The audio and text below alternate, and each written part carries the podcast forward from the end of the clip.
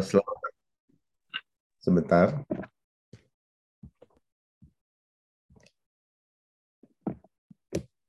Uh, selamat pagi semuanya. Uh, Assalamualaikum, damai sejahtera untuk kita semua. Uh, selamat pagi sahabat seluruh keluarga. Pagi ini kita bertemu kembali dalam acara Kultur Parenting Pagi edisi Rabu 21 September 2022 Eh, dengan pembahasan sudahkah kelas kita inklusi? Apa sih kelas inklusi itu? Apa konsekuensinya? Apa yang perlu dipersiapkan? Sudahkah kelas kita inklusi? Yang akan sharing pagi ini adalah Kak Twinky. Kak Twinky adalah ahli dalam menangani anak kebutuhan khusus, terutama untuk anak-anak eh, di Klesia. Tanpa nunggu waktu lagi, saya persilakan Kak Twinky untuk memulai diskusi kita pada pagi hari ini. Silakan ya. Kak Twinky. Terima kasih Kak Dani. Selamat pagi kakak-kakak semua. Ketemu lagi hari ini. ya, hari ini kita membahas mengenai kelas inklusi. Saya izin share screen dulu.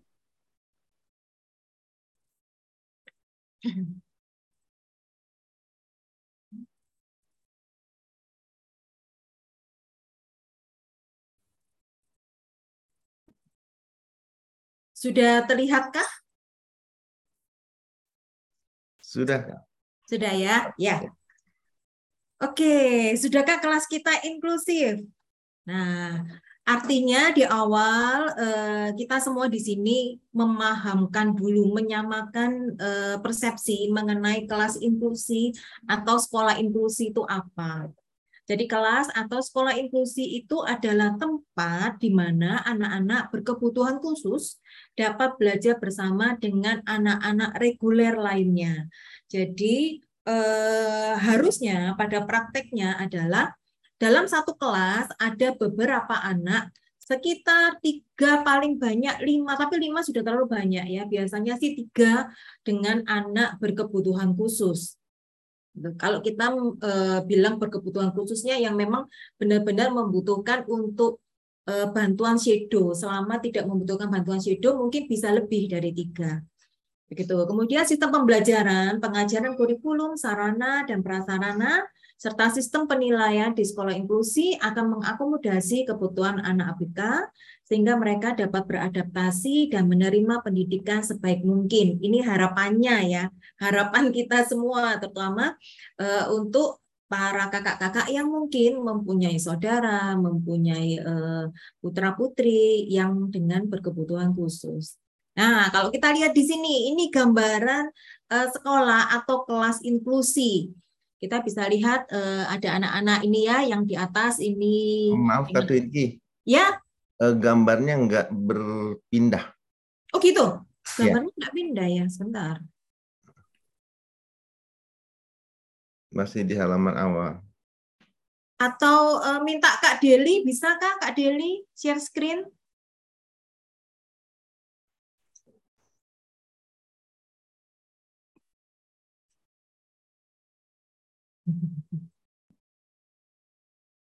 Kak Deli, bisa bantuin share screen, Kak?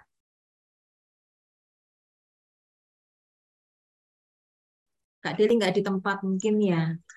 Ada, sebentar. Saya dia memang nggak menjawab. dia nggak suka menjawab. Dia menjawab dengan tulisan. Suara ya. Saya coba lagi ya. Nah, dia lagi sedang dia sedang berusaha itu. Oh gitu. Dia sebentar. Ya. Oke. Okay. Ya. Memang dia suka bekerja dalam diam. Susah mendengar suara Kak Deli. Bisa deh. Bisa dong. ya nanti kita lihat uh, di gambar yang yang nanti di share oleh Kak Deli bahwa di gambar-gambar itu adalah gambaran untuk kelas atau sekolah inklusi gitu ya. Jadi eh, anak-anak berkebutuhan khusus ini digabungkan dengan anak-anak reguler atau anak-anak tipikal atau anak-anak umum. Saya tidak bilang anak normal karena eh, kriteria normal itu sulit ya. Nggak ada dari kita ini yang normal. Pasti ada sesuatunya yang berbeda. Nah, akhirnya. Tuh, belum muncul. Nah, ya Kak. Lanjut Kak. Nah, ini ya. Kita bisa lihat di sini eh, di gambar yang sebelah kiri ini ya. Kita kita ngomongin sebelah kiri atas itu uh, ada anak dengan Down syndrome, kemudian di bawahnya anak-anak yang lambat belajar, di bawahnya ada yang Down syndrome, ada yang CP, ada yang lain-lain, gitu ya. Kemudian kalau kita mengarah yang bawah kanan, ini anak yang tidak mempunyai uh, tangan, jadi dia menulisnya menggunakan kaki, kemudian di atasnya itu kita lihat juga ada banyak itu ya, ada yang terlihat sih anak dengan Down syndrome, Nah, yang berbeda adalah yang paling atas di sebelah kanan. Ya, kalau kita lihat atas kanan ini berbeda dari gambar-gambar yang lainnya. Kalau yang lainnya mungkin kita sudah familiar ya. Oh, anak-anak ABK tuh ya anak-anak seperti ini. Tapi ternyata di yang kanan atas ini ini juga masuk kelas inklusi. Gitu ya. Anak seperti apakah yang ini gitu ya. Ayo lanjut Kak Deli. Nah, kita samakan dulu persepsi kita mengenai anak-anak ABK karena banyak sekali di luar sana yang menganggap bahwa anak-anak ABK itu adalah anak-anak yang dengan IQ di bawah rata-rata. Nah, kita lihat sebetulnya apa sih yang disebut anak ABK itu?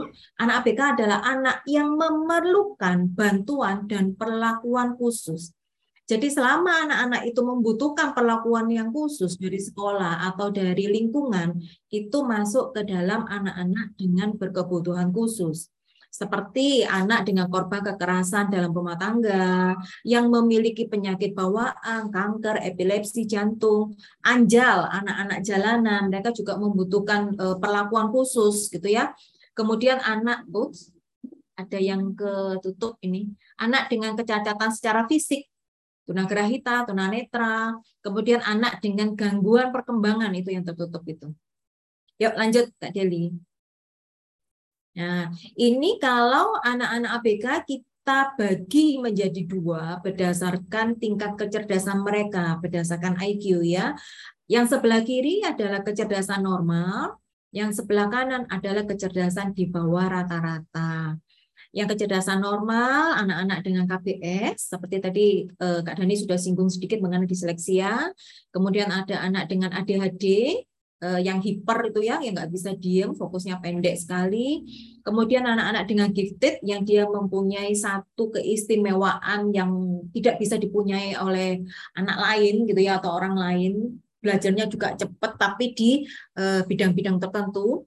Kemudian anak-anak dengan Asperger syndrome, ini yang gifted ini yang kita kenal biasanya yang IQ dengan 130 ke atas. Kemudian anak-anak dengan Asperger syndrome itu IQ uh, eh, autistik ini ya masuk ke dalam uh, payungnya uh, eh, ASD, tetapi dari segi IQ dia bagus sekali 120 ke atas.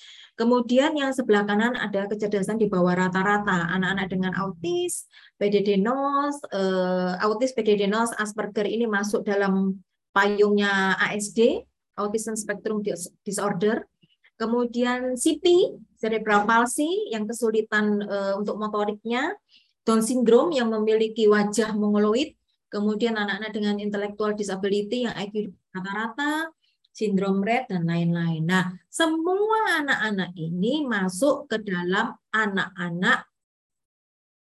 Sebentar, ada yang bertanya ini masuk ke dalam anak-anak dengan anak-anak berkebutuhan khusus. Ya, e, kalau ada yang bertanya nggak apa-apa, saya akan coba menjawab. E, ini ada pertanyaan dari Awaina, Kak Awaina Vidini, kok anak autistik masuk di bawah ya kecerdasannya? Oke, saya ulas sedikit Kak ya, tapi nggak banyak nanti habis waktunya sebelum selesai slide-nya. Jadi kita mengenal dengan payung, satu payung payung ini namanya ASD, Autism Spectrum Disorder. Di bawah ASD itu ada tiga di situ kak. Ada Asperger Syndrome, ada autis, ada PDD-NOS.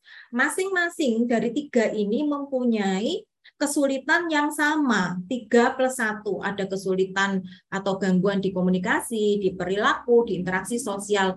Plus satu, satunya adalah gangguan sensorik. Tuh ya, tiga-tiganya mempunyai gejala yang hampir mirip, yang sama dan punya semua. Yang membedakan mereka adalah dari eh, bahasa ekspresifnya. Anak-anak Asperger, anak-anak dengan PDD NOS, ini biasanya dia verbal. Beda dengan dengan eh, beda dengan anak-anak autistik, sebagian dari mereka tidak verbal. Kemudian dibedakan juga dari segi IQ. Untuk Asperger, IQ-nya 120 ke atas, ini juga masuk ke dalam ASD, Autism Spectrum Disorder. Anak-anak dengan autis eh, biasanya paling tinggi IQ-nya, autis saja ya, IQ-nya itu sekitar 68. Kemudian kalau PDD NOS itu 90 Kak, normal.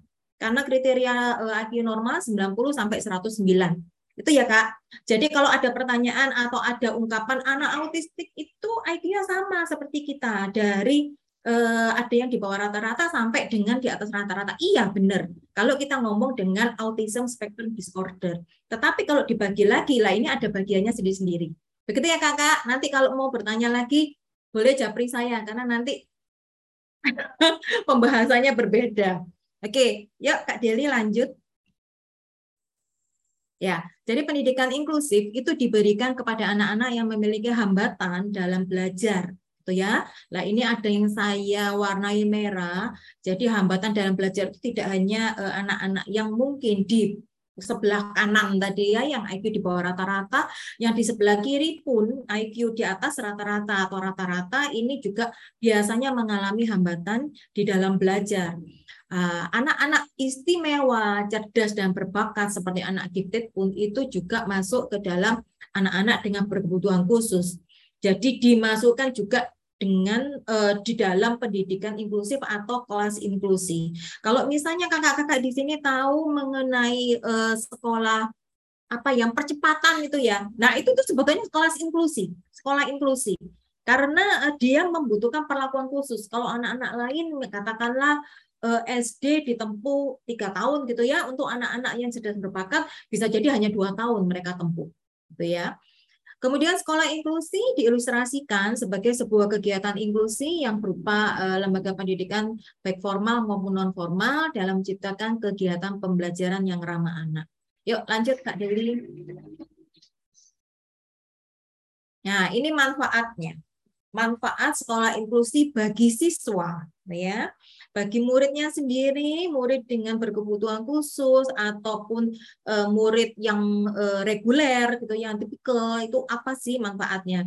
Manfaatnya uh, semakin berkembangnya kepercayaan diri terhadap apa yang telah dicapai dan merasa bangga atas diri sendiri karena di sekolah inklusi itu mereka mempunyai kalau guru-guru di sini kenalnya dengan PP, PPI ya PPI kalau di kami yang uh, center berkebutuhan khusus, kami mengenalnya dengan IEP, Individual Education Program sama sebetulnya. Jadi di kelas inklusi itu uh, mereka uh, mempunyai kurikulum yang sudah disederhanakan, disesuaikan dengan kemampuan dari masing-masing anak. Nah, akhirnya anak-anak eh, ABK pun yang ada di situ, mereka jadi bisa bangga dan merasa percaya diri, gitu ya. Karena apa? Karena memang kurikulumnya sudah disesuaikan nih sama mereka. Tidak disamakan dengan teman-teman lainnya. Otomatis terlihat bagusnya. Tetapi kalau disamakan dengan anak-anak yang reguler, otomatis mungkin mereka nggak ngejar, terutama yang dengan eh, IQ di bawah rata-rata. Kemudian mampu belajar sendiri, dengan mencoba untuk memahami pelajaran yang didapat dari sekolah dan menerapkannya dalam kehidupan sehari-hari, mampu berinteraksi dengan orang-orang di lingkungan karena sudah dikondisikan bahwa kelas inklusi itu adalah kelas yang ramah untuk anak ABK. Kemudian mampu belajar menerima, beradaptasi, dan mengatasi adanya perbedaan. Ini terutama untuk anak-anak yang reguler. Jadi dengan begitu anak-anak akan menjadi kreatif dalam proses pembelajaran. Jadi rasa empati mereka akhirnya muncul untuk anak-anak reguler ya. Mereka mau membantu teman-temannya yang eh, spesial. Yuk lanjut Kak Deli. Ya, ini lanjutannya bisa mengembangkan sikap toleransi gitu ya, karena bisa berteman dengan teman yang kondisinya sehat dan anak-anak dengan berkebutuhan khusus. Kemudian terbiasa untuk menghargai, merangkul perbedaan dengan menghilangkan budaya labeling atau memberi cap negatif kepada orang lain. Jadi mereka belajar untuk melihat teman-teman berkebutuhan khususnya itu dari segi yang positif, bukan dari kekurangannya.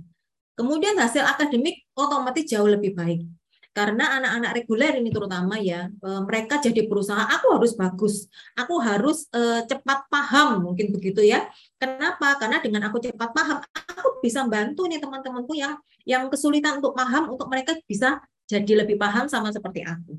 Otomatis mereka akan uh, memacu dirinya sendiri untuk jadi lebih baik. Ya lanjut kak Deli Oke, berikutnya manfaat uh, bagi orang tua. Orang tua jadi tahu uh, cara mendidik, membimbing anak di rumah secara lebih baik dengan teknik yang digunakan guru di sekolah. Karena memang ada cara-cara khusus yang kita bisa terapkan ke anak-anak, gitu ya. Nah, kalau orang tua juga mau belajar, hasilnya akan bagus sekali. Kemudian dapat terlibat secara pribadi sehingga merasakan bahwa keberadaannya sangat dibutuhkan untuk membantu anak dalam proses belajar. Karena sekali lagi ini juga uh, tidak hanya untuk uh, orang tua dengan anak khusus saja, tapi orang tua dengan anak reguler juga uh, harusnya terlibat secara pribadi dalam mengajar anak-anak di rumah. Sebab di sekolah kan hanya beberapa jam ya, di rumah yang paling lama. Jadi otomatis orang tua yang harus berperan penting. Tuh. Kemudian sebagai mitra sejajar dalam memberikan kesempatan belajar yang berkualitas bagi anak, Kemudian mengetahui bahwa anaknya dan seluruh peserta didik di sekolah menerima pendidikan yang bermutu sesuai dengan kemampuan dari masing-masing anak. Ya, lanjut Kak Deli.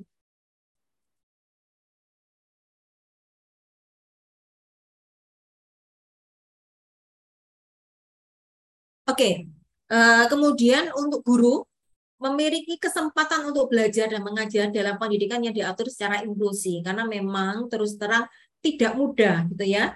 Memang pemerintah meminta uh, semua sekolah sekarang menjadi sekolah inklusi yang tidak menolak anak-anak dengan berkebutuhan khusus, tapi memang pada kenyataannya sekolah uh, atau beberapa sekolah masih apa ya dikatakan memilih wajar sebetulnya. Kenapa? Karena pembekalan dari guru-guru juga uh, ada beberapa yang masih kurang. Ada di daerah-daerah tertentu yang sudah bagus nih uh, apa pembekalan untuk guru-gurunya dalam membimbing anak-anak berkebutuhan khusus, tapi ada juga yang belum.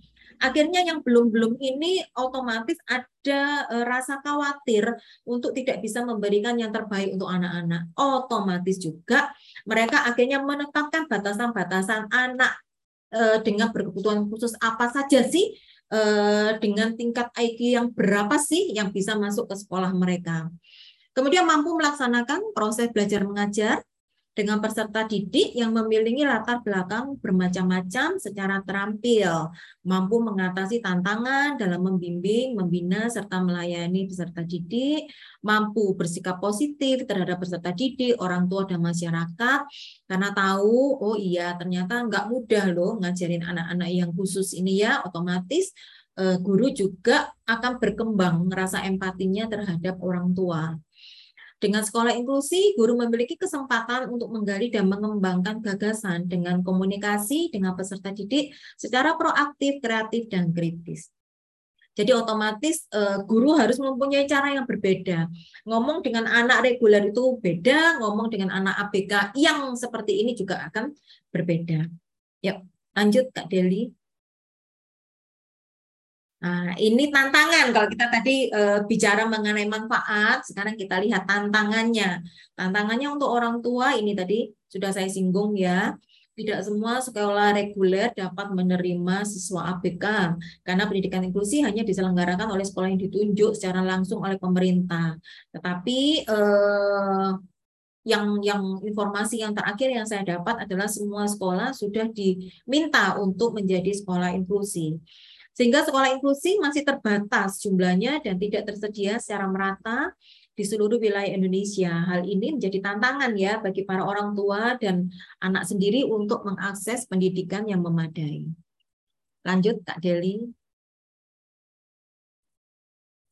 Ya, tadi itu yang dihadapi oleh eh, orang tua, sekarang yang dihadapi oleh sekolah. minimnya tenaga pengajar gitu ya atau staf guru pendamping khusus. Nah, ini memang uh, masih terhitung langka. Gitu. Kemudian tidak semua guru dan staf di sekolah memahami cara mengajar dan membimbing anak-anak berkebutuhan khusus. Kemungkinan adanya penolakan dari orang tua atau siswa reguler untuk belajar bersama dengan anak-anak berkebutuhan khusus. Banyak sekali ini yang nomor yang poin nomor tiga ini ya, eh, banyak orang tua itu yang yang curhat ke saya bilang e, anak saya ini bu belajar sama ada yang anak ABK di kelas akhirnya mereka itu nular bu gitu ya. Perilakunya nular niru gitu. Padahal kita semua ini berperilaku seperti sekarang ini kan asalnya awalnya dari kita meniru ya. Kita melihat mama papa kita pakaiannya seperti itu cara ngomongnya seperti itu otomatis kita meniru Nah, anak-anak juga, apalagi anak-anak yang masih balita, mereka melihat, mereka mendengar, mereka merasa itu semuanya diambil, diserap seperti spon kalau dimasukkan ke dalam eh, wadah yang isinya air, itu air habis semua. Maksudnya apa? Jadi anak-anak itu melihat, anak-anak itu mengambil semua. Makanya harapannya adalah orang tua bisa membimbing dan mensortir caranya berbicara, caranya berperilaku, agar nggak ditiru sama anak. Jadi wajar kalau anak-anak meniru karena memang itu caranya mereka belajar. Hanya tinggal nanti kita arahkan mana sih yang boleh diikuti, mana yang nggak boleh diikuti. Kemudian fasilitas yang belum memadai, misalnya terbatasnya buku, keperluan pembelajaran lain, mungkin uh, ada uh, anak-anak yang tunanetra ya akhirnya harus membutuhkan buku-buku dengan huruf braille. Kemudian resiko bullying. Nah, anak-anak berkebutuhan khusus ini resiko bullyingnya tinggi sekali, rentan sekali, gitu ya. Makanya eh, saya sebetulnya sih mendukung kalau misalnya eh, sekolah dijadikan sekolah inklusi, karena anak-anak jadi bisa melihat ternyata temannya itu tidak seburuk yang mereka lihat di eh, di luar dari kesulitan mereka untuk bergerak, mungkin untuk berpikir dan sebagainya itu ada kelebihannya loh. Dan ini mereka akan belajar untuk menerimanya. Begitu. Yuk, lanjut Kak Deli. Ah, channel sudah selesai. itu pemaparan dari saya. Eh, silakan kalau misalnya ada teman-teman yang ingin bertanya. Karena memang eh, untuk untuk sekolah inklusi itu nggak mudah ya Kak Dani ya nggak mudah sekali karena orang tua dengan yang reguler itu menganggap janganlah jangan masuk nanti uh, anakku niru gitu kan. Tapi uh, orang tua dengan anak-anak yang berkebutuhan khusus terkadang juga ada yang tidak mau masuk ke sekolah inklusi. Nah ini kan jadi bingung ini perdebatan. Ini uh, menarik sekali ya kak Tinki ya. Uh, aduh di kepala saja udah banyak sekali nih pengen nanyain ke kak Twinky ya tapi ya, mungkin kan? kita coba untuk uh, tanyakan dulu mungkin ada yang mau langsung bertanya ke Kak Twinky. Betul sangat bermanfaat sekali ya. Jadi kita tahu terutama yang punya anak uh, baik kita anak kita di apa yang normal ataupun yang ada kebutuhan khusus kita mengerti juga gitu. Uh, sekolah yang kita uh, bisa pergi untuk anak kita. Silakan kakak-kakak ada yang mau tanya langsung aja unmute dan bertanya uh, banyak sih yang saya mau tanyakan tuh kayak misalnya gurunya gimana setiap anak kebutuhan khusus kan beda-beda beda-beda ininya Katinki terus apakah satu guru ini harus punya begitu banyak ilmu gitu tentang anak-anak terus dari mana mereka bisa dapat ilmu-ilmu seperti itu Ya, kalau untuk mendapatkan ilmu biasanya eh, dinas Pak dari dinas pendidikan oh. itu sering mengadakan pelatihan-pelatihan atau guru-guru bisa mengikuti pelatihan-pelatihan swasta yang ada di luar yang tidak diadakan oleh dinas. Di luar pun itu terkadang ada poin-poin kredit yang guru-guru bisa dapat Pak. Jadi untuk menambah poinnya mereka itu ada juga di sana. Kemudian yang memang eh, tidak bisa kita mengharapkan satu orang guru bisa menguasai berbagai macam cara berkomunikasi, berbagai macam cara pengajaran ke anak-anak yang dengan eh, apa yang berbeda-beda ya tidak bisa kita mengharapkan seperti itu.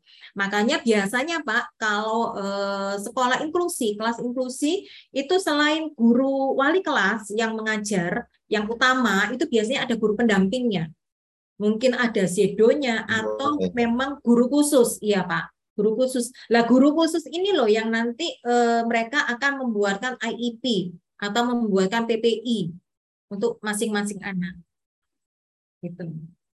Ya, soalnya lagi kalau nggak salah hari Jumat uh, di di kultur parenting juga itu kak siapa ya? Saya agak lupa. Tapi dia sendiri bilang bahwa uh, dia mengajarkan untuk uh, ini ini dalam kondisi uh, kelas normal untuk ada ada hubungan antara guru tuh dengan murid gitu. Nah saya bayangkan ini satu guru mesti bangun hubungan aja udah udah nggak gampang karena murid sendiri kan yang normalnya begitu banyak kepribadi yang beda-beda gitu. Mm-hmm. Apalagi ditambah dengan dengan ini ya benar-benar perlu perlu hati, perlu passion yang luar biasa ya untuk gurunya ya. Iya, iya, betul banget kak. Makanya nggak bisa nggak bisa bekerja sendiri ya. Jadi harus barengan gitu. Jadi ada sedonya atau guru pendamping kan ini sangat-sangat membantu guru kelas karena ya memang satu kelas itu kan banyak anak ya. Minim yang saya tahu di sini itu ada yang satu kelas paling minim itu satu kelas dengan 15 anak. yang banyak itu sekitar 30 anak, Kak. Ada hmm. yang segitu. Nah, itu kan lebih sulit ya kalau misalnya eh, wali kelas ini atau guru utama tidak dibantu oleh guru pendamping. Silakan kakak-kakak yang lain ada yang mau apa bertanya atau sharing. Izin Kak Dani. Ya silakan. silakan uh, iya Kak Twinky. Ini ya. saya sebagai orang tua yang kebetulan uh, special needs, jadi memang mau masuk sekolah sebentar lagi. Jadi ada beberapa yang mau saya tanyakan terkait shadow teacher. Hmm. Jadi kan memang uh, tadi kan seharusnya memang uh, setiap anak yang memang membutuhkan shadow teacher itu kan uh, ya difasilitasi lah shadow teacher. Cuma kalau menurut saya kan lebih bagusnya mungkin karena kita yang tahu setiap anak kan mempunyai uh, special needs itu punya kebutuhannya masing-masing juga. Ya. Nah, Cuma di beberapa sekolah kan di kota saya itu ada yang shadow teacher itu difasilitasi uh, oleh sekolah. Hmm. Nah, cuma itu kadang tanpa basic shadow teacher, jadi jatuhnya kayak cuma babysitting. Hmm. Nah, terus uh, ada yang memang sekolah tidak uh, sekolah yang memang menyerahkan kepada orang tua untuk uh, mencari shadow teachernya gitu. Namun hmm. nanti pengurusannya itu manajemennya di urusan sekolah gitu. Hmm. Nah kalau menurut saya kan lebih bagus kita yang mencarikan gitu kan. Pengennya yang terbaik pastikan ya kak. Uh, apa ada regulasi yang mengatur tentang shadow teacher ini kak? Uh, kan kalau yang sekolah inklusi tadi kan sudah ada memang uh, peraturannya gitu. Memang setiap sekolah juga uh, diwajibkan atau apa ya bahasanya menerima anak special needs berapa persen gitu kan kak. Hmm. Nah kalau untuk shadow teacher ini apa ada regulasinya? Nah terus uh, kalau boleh tahu kak misalnya pengalaman kakak terkait shadow teacher ini uh, untuk uh, kalau misalnya dari pihak sekolah gitu ada uh, tips atau apa gitu dalam mencari shadow teacher, trik-triknya juga mencari shadow teacher, terus juga mungkin terkait salarinya bagaimana gitu Kak. Terima kasih Kak. Ya, terima kasih Kak Rizky. Ini pertanyaannya bagus sekali. Orang tua ini terutama bingung soal shadow teacher ya. Shadow teacher atau guru pendamping itu tidak ada regulasinya, Kak. Tidak ada aturannya. Jadi sebetulnya siapa pun bisa menjadi shadow teacher. Termasuk itu orang tua atau eh, paling paling minim mbak yang ada di rumah.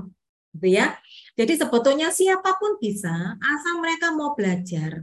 Jadi shadow teacher itu e, fungsinya nanti di kelas mereka bukan menjadi babysitter yang hanya menjaga anak biar nggak jatuh, terus ingin apa ditemani, enggak, enggak. Berbeda banget. Namanya juga kan guru pendamping ya, shadow teacher. Jadi eh, perannya adalah sebagai guru, bukan sebagai babysitter. Itu yang harus dipisahkan. Kemudian si do teacher sendiri itu sebetulnya ada tahapan-tahapannya. shadow teacher yang di awal itu uh, tempel, shadow tempel. Maksudnya tempel apa? Jadi benar-benar jadi shadow, jadi bayangannya anak. Anak ke mana harus ngikut gitu ya. Kemudian anak di kelas biasanya guru shadow duduk di sebelahnya atau agak di belakang sedikit. Tapi masih masih di dekat situ. Jadi masih tetap jadi bayangannya nempel. Kemudian eh, setelah itu kalau anak sudah bagus, anak sudah bisa jadi tetap diajarkan anak untuk bisa berusaha sendiri, tidak dibantu full. Berikutnya guru shadow itu akan mundur sedikit. Mungkin eh, yang pertamanya itu pas di sebelahnya anak, berikutnya kalau anak sudah bagus, guru shadow akan mundur mungkin dua baris ke belakang. Gitu ya. Sampai kalau misalnya anak tidak bersegera, guru shadow bilang, "Ayo, kerjakan." Nah, itu dia ngerjakan, gitu ya sampai akhirnya guru Sedo itu pindah ke belakang paling belakang kelas eh, di kelas yang di sebelah paling belakang. Sampai akhirnya yang paling eh, tinggi adalah Sedo teacher akhirnya di luar. Di luar itu maksudnya tidak terlihat bukan tetap terlihat. Jadi di di jendela kelas itu Sedo teachernya tetap di situ tetapi posisinya sudah di luar kelas gitu ya.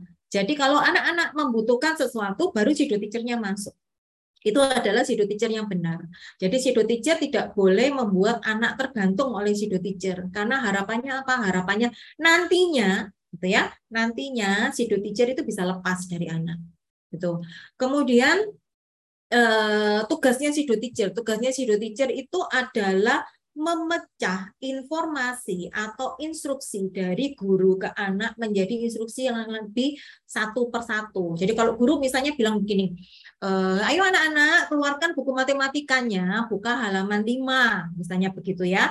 Nah, si do teacher itu akan memecah instruksi itu. Jadi gini, adik, ayo disuruh apa tadi? Jadi tetap diminta anak untuk mendengarkan tadi gurumu itu ngomong apa, bilang apa gurumu. Oh ambil matematika, ayo ambil matematikanya. Setelah dikeluarkan matematika, baru si teacher tanya lagi. Disuruh buka halaman berapa. Kalau anak lupa, si teacher yang akan bilang, halaman 5 adik dibuka. Gitu ya. Jadi dipecah.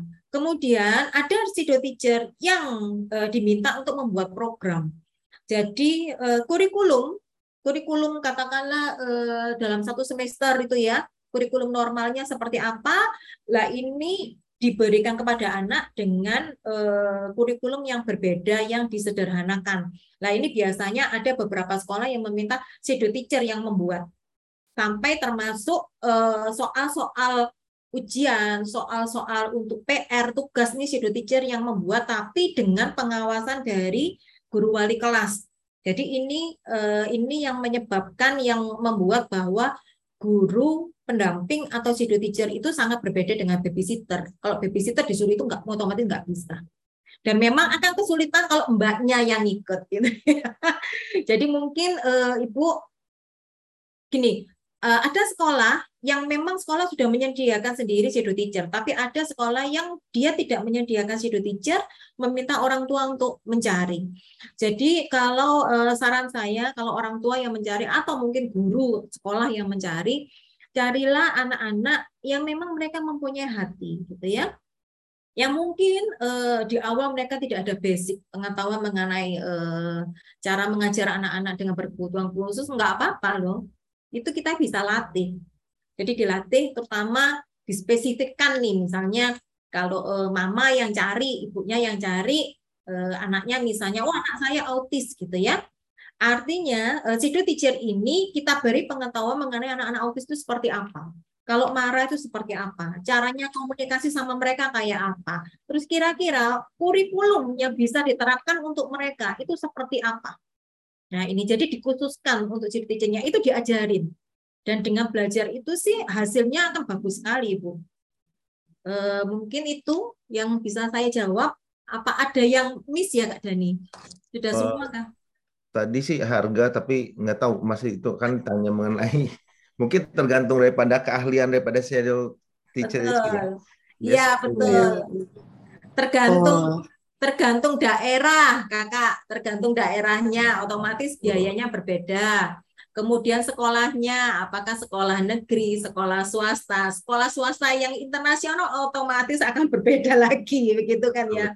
Kemudian ya, dengan jam terbang dari uh, si teachernya. Kalau misalnya masih pemula, mungkin uh, biaya fee-nya tidak terlalu tinggi dibandingkan dengan yang memang sudah expert. Nah, ini memang sudah sudah berbeda. Begitu, Baik kak, makasih kak. Berarti Sama. tidak perlu uh, shadow teacher itu kita cari yang memang misalnya S1 pendidikan atau yang basicnya itu. Karena kebetulan saya saya kan udah mempersiapkan, jadi saya juga ikut pelatihan shadow teacher. Cuma rata-rata sekolah tuh tidak mau menerima orang tua yang sebagai shadow teacher juga. Mungkin karena takut kagok kali guru guru intinya atau bagaimana atau pihak sekolahnya kan langsung dikoreksi atau bagaimana nanti dari pihak orang tua. Jadi rata-rata tuh nggak mau menerima saya yang langsung sebagai shadow teacher si anak gitu. Nah jadi uh, sempat kepikiran memang yang ngasuhnya dulu cuma memang itu dia tidak bisa memang sepertinya tidak bisa gitu Nah, uh, jadi berarti memang tidak perlu basic ilmu tertentu ya kak, bagusnya untuk shadow teacher atau mungkin basicnya terapis atau basicnya guru gitu.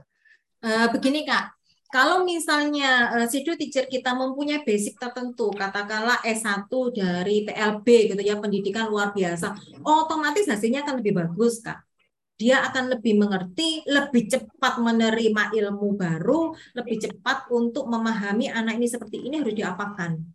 Nah, ini yang memang akan menjadi perbedaan eh, dengan sido teacher yang memang mempunyai latar belakang khusus dengan sido teacher yang hanya sekedar pokoknya punya hati. Itu memang akan berbeda sekali. Jadi sama-sama nih A sama si B yang A punya pendidikan khusus, katakanlah eh, ada latar belakang guru, latar belakang terapis, atau latar belakang S1 pendidikan dari khusus. Zoom, nah, dengan uh, sido teacher yang tidak mempunyai latar belakang ini, otomatis akan berbeda otomatis begitu ya. Tetapi e, semua kembali ke masing-masing. Kalau saya sih begitu saja. Tetapi memang hasilnya memang jauh lebih bagus dengan e, shadow teacher yang memang mempunyai latar belakang e, khusus. Begitu. Terus kenapa e, sekolah tidak menyarankan orang tuanya sendiri yang menjadi shadow teacher? Sebetulnya ada alasannya, Kak.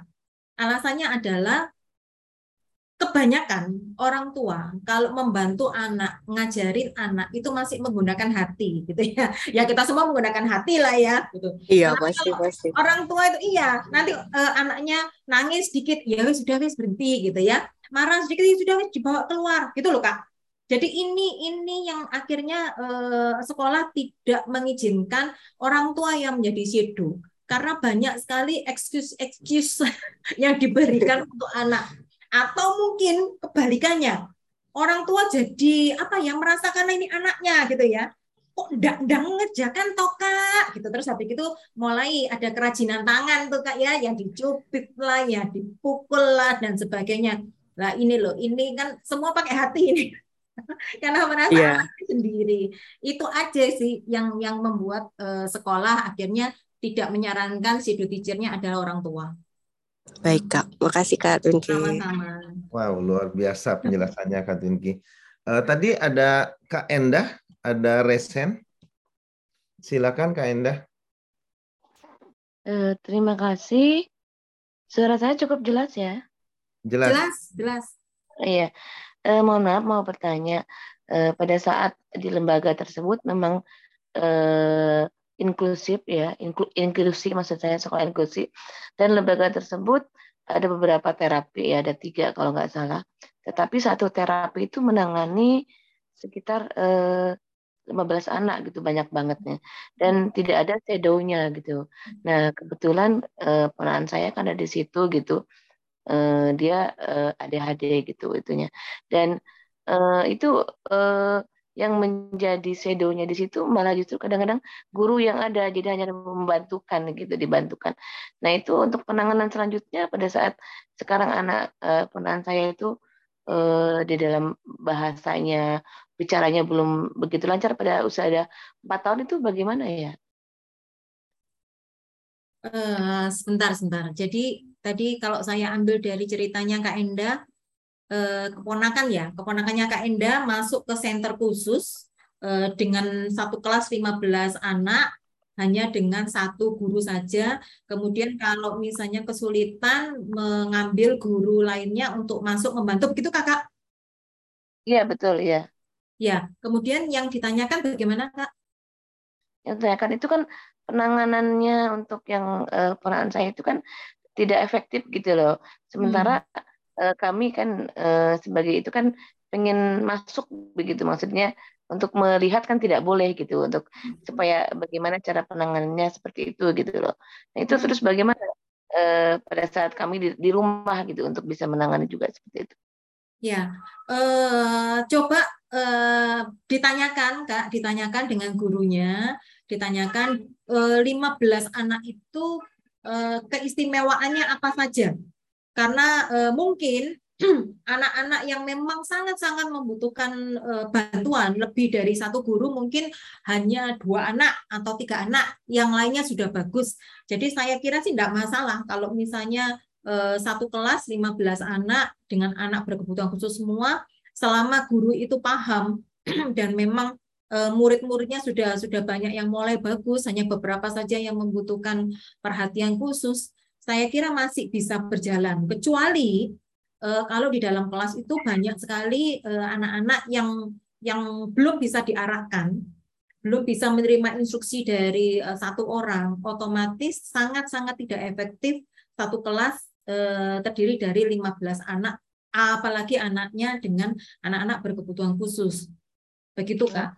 15 itu 10 yang yang yang ABK itu. Hmm. Ditanyakan aja, Kak, itu yang 10 itu eh, ABK-nya ABK yang mana? Oh, begitu ya, ya. Hmm. hmm. Ya, ya. Ya. Baik, terima kasih. Sama-sama, Kak. Wow. Uh, mungkin masih ada yang lain kakak-kakak yang mau nanyakan, mau bertanya. Uh, kalau nggak saya juga mau mau ya mungkin nanya juga ke Kak Tunki tadi dibilang bahwa uh, kita berharap bahwa uh, si anak ini yang kebutuhan khusus ini menjadi uh, pede ya, lebih percaya diri ketika dia ada di lingkungan yang maksudnya ya anak-anak yang normal. Nah, ini saya punya kakak kebetulan ya saya baru tahu juga berarti dia dia tuh narungu termasuk uh, anak kebutuhan khusus ya. Betul. itu nah kejadian cuma 35 tahun lalu tuh. Hmm. Ya ya cuman contohan aja gitu. Nah, justru agak terbalik karena ketika orang tua saya coba masukkan dia ke sekolah normal karena secara uh, IQ kata cerdas lah dia cerdas ya. Semua dia matematika bisa bahasa Inggris dia ngerti. Cuman dia memang nggak bisa mendengar membuat dia nggak bisa bicara. Hmm. nah cuman Eh, bukan dibilang hancur lah, cuman ke, kepercayaan diri dia justru rusak di sana karena karena dia bisu tuli. Ketika dia melihat ada orang bicara gitu, dia tuh selalu berpikir bahwa orang itu membicarakan diri dia. Hmm. Padahal enggak gitu. Pokoknya kalau ada orang berdua ngomong itu, wah lagi ngomongin gua, tapi dia nggak tahu kan ngomongin apa nih gitu atau apa gitu. Itu kan terjadi satu eh, ya mungkin kayak efek yang terbalik daripada itu dan mungkin ada hal lain eh, itu kejadian seperti begitu tuh menurut Kak Tunki bagaimana ya gitu? Ya, uh, untuk anak-anak khusus yang memang khusus banget kak, yang benar-benar membutuhkan alat-alat khusus kayak misalnya anak-anak dengan eh, teman-teman uh, ini ya, teman-teman tuli, kemudian uh, tunanetra, ini kan benar-benar membutuhkan guru khusus dan alat khusus. Kalau tunanetra kan otomatis pakai braille itu ya. Ya, betul. itu. Nah, jadi akhirnya sama juga dengan anak-anak yang tunarungu yang akhirnya tidak bisa mendengar. Nah, itu ya tak bisa mendengar otomatis dia juga kesulitan untuk bicara beberapa dari mereka otomatis harus mencari sekolah yang khusus juga kan yang oh. benar-benar yang mereka bisa mengajarkan eh, ada guru-gurunya yang bisa mengajarkan eh, membaca dengan huruf-huruf braille Terus begitu uh, ada guru-guru yang bisa bahasa isyarat. Ah. Nah, mungkin pembelajaran atau sekolah yang dulu kan beda dengan sekarang nggak ya? Sekarang ini kan beda. memang sudah pemerintah kemudian beberapa lingkungan itu sudah sudah memberikan apa ya memberikan pengetahuan dasar pengenalan mengenai anak-anak dengan berkebutuhan khusus. Jadi pengetahuan kita sekarang apabila dibandingkan katakanlah 35 tahun yang lalu itu sangat-sangat jauh berbeda. Jauh gitu ya. banget. Ya. Nah, jadi sekarang ini sudah lebih maju dan saya tahu aduh di sekolah mana ya saya lupa itu ada sekolah khusus untuk eh, teman-teman yang tuli. Uh, ini ya apa tunarungu. Nah, itu mereka diajarkan memang mereka dikenalkan dengan bahasa isyarat, tetapi mereka diajarkan untuk membaca gerak bibir. Jadi intinya apa? Intinya adalah eh, tidak semua orang itu bisa menggunakan bahasa isyarat. Nah, kalau nantinya mereka ini uh, terjun ke dunia dunia kerja, ke dunia sekolah, mungkin pindah dari situ masuk ke sekolah umum atau sekolah inklusi, diharapkan mereka tetap bisa berkomunikasi dengan teman, guru atau orang lain dengan membaca gerak bibir. Begitu Kak. Jadi memang uh, belum bisa disamakan antara pendidikan sekarang dengan pendidikan yang dulu. Ini aja kalau saya lihat kan uh, ide sekolah inklusif ini saya merasa itu wah luar biasa sekali ya. Hmm, Dan saya baru deng bahkan saya baru dengar biasa memang yang saya tahu ya anak kebutuhan khusus ya di sekolah khusus gitu. Hmm. hmm. Jadi di center-center khusus ya anak-anak normal biasa nggak digabung tapi ini satu ide yang brilian menurut saya. Hmm. Tinggal mungkin uh, bagaimana diterapkan di masyarakatnya aja gitu. Iya. Ada yang lain kakak-kakak? Atau ada yang mau berbagi silakan juga. Ini ah Kak Awaina? Ya mau cerita saja. Ya silakan Kak Awaina. Ya saya kan eh, saya di rumah itu kan menangani anak-anak berkebutuhan khusus khususnya yang autis ya. Nah ini ada anak yang yang kebetulan kalau saya amati eh, kelihatannya bisa ini karena saya bukan bukan psikolog ya. Jadi saya kira-kira kemungkinan bisa uh, kalau dia di di SLB dia terlalu pinter. Tapi sebetulnya kalau di di sekolah inklusi dia agak telat di sekolah umum ya, di sekolah reguler agak telat. Akhirnya ya diusahakan ini dimasukkan ke inklusi. Nah, begitu masuk ke inklusi, uh, kita sekolah uh, cari sekolah dasar negeri yang inklusi. Nah, ternyata di sekolah tersebut ini tidak ada sedunya, tidak ada ini guru pendamping khususnya sehingga uh, guru gurunya cuma satu. Akhirnya kewalan karena ada beberapa uh, eh, ABK, yang satunya Down syndrome. Nah, uh, saya untuk melihat perkembangannya saya sering mengunjungi sekolahnya. Saya kok diskusi dengan gurunya bagaimana misalkan saya ajari ini uh, misalkan saya ajari fokus gitu. Bisa nggak dia ketika dengan banyak anak itu dia fokus? Kan biasanya saya cek gitu. Nah saya lihat itu uh, si guru ini begitu kewalahan. Kan yang Down syndrome itu kan kadang ngompol di kursinya gitu. Jadi apa ya akhirnya dengan ini saya bilang ke gurunya bu gimana kalau anak ini saya tarik gitu tapi tetap sekolah di sini Nanti dia Senin sampai Kamis, sampai Kamis, nanti belajar sama saya. Karena belajar di sekolah itu tidak efektif. Nah, Jumat sama Sabtu biar di sekolah untuk belajar sosialisasi. Akhirnya saya eh, ini cari cari solusi seperti itu. Jadi akhirnya sekolah inklusinya itu saya jadikan sekolah payung saja. Karena benar-benar tidak ada perkembangan. Akhirnya gurunya setuju dia. Lebih baik gitu aja Bu, kasihan anaknya tidak berkembang saya pun sebetulnya ini bermaksud agar anak-anak itu berkembang, tapi saya tidak punya ilmunya. Dan memang benar-benar sekolah itu benar-benar gimana ya? Kasihan saya sebetulnya sama guru-gurunya. Uh, sekolah itu ditunjuk sama perintah menjadi sekolah inklusi. Tapi ini tidak tidak dipandu agar berjalan dengan lancar lah istilahnya. Guru pun mengeluh ketika harus mengisi data gitu tentang jenis ABK-nya apa, itu gurunya tidak tahu karena tidak ada psikolog, tidak ada ini uh, assessment awal gitu, tidak ada. Akhirnya ya seperti itu semrawut gitu. Akhirnya ya dengan uh, solusi yang saya tawarkan tadi, anak tersebut ya belajar sama saya. Uh, nanti hari itu Jumat, Jumat itu olahraga biar dia belajar sosialisasi sama Sabtunya dia masuk. Terima kasih. Ya, terima kasih Kak. Ini masukan apa eh, sharing yang bagus sekali ya. Betul sih, memang eh, ada beberapa anak yang memang tidak efektif pada saat eh, mereka masuk sekolah, terutama meskipun sekolah itu adalah sekolah khusus atau sekolah inklusi. Keren, keren Kak Wayana. Wow, luar biasa. Saya lihat memang baik, uh, kesadaran sekarang baik orang tua maupun di apa di pendidikan di pemerintah udah benar-benar mereka kasih perhatian khusus ya. Banyak memberikan perhatian khusus untuk eh, anak-anak uh, kebutuhan khusus. Dan saya merasa ini uh, satu hal yang luar biasa uh, patut untuk diapresiasi ya. Apalagi Kak Twinkie sendiri punya punya center ya itu Ada, ya. uh, itu uh, luar biasa sekali. Itu hanya orang-orang yang punya hati lah yang mau apa peduli dengan dengan anak-anak seperti ini. Kalau dulu kan anak seperti ini tuh dijauhi bahkan mungkin dikurung di rumah nggak bisa uh, punya hidup yang normal. Tapi sekarang justru dapat perhatian yang lebih banyak lagi. Itu hmm. wah satu satu hal yang luar biasa.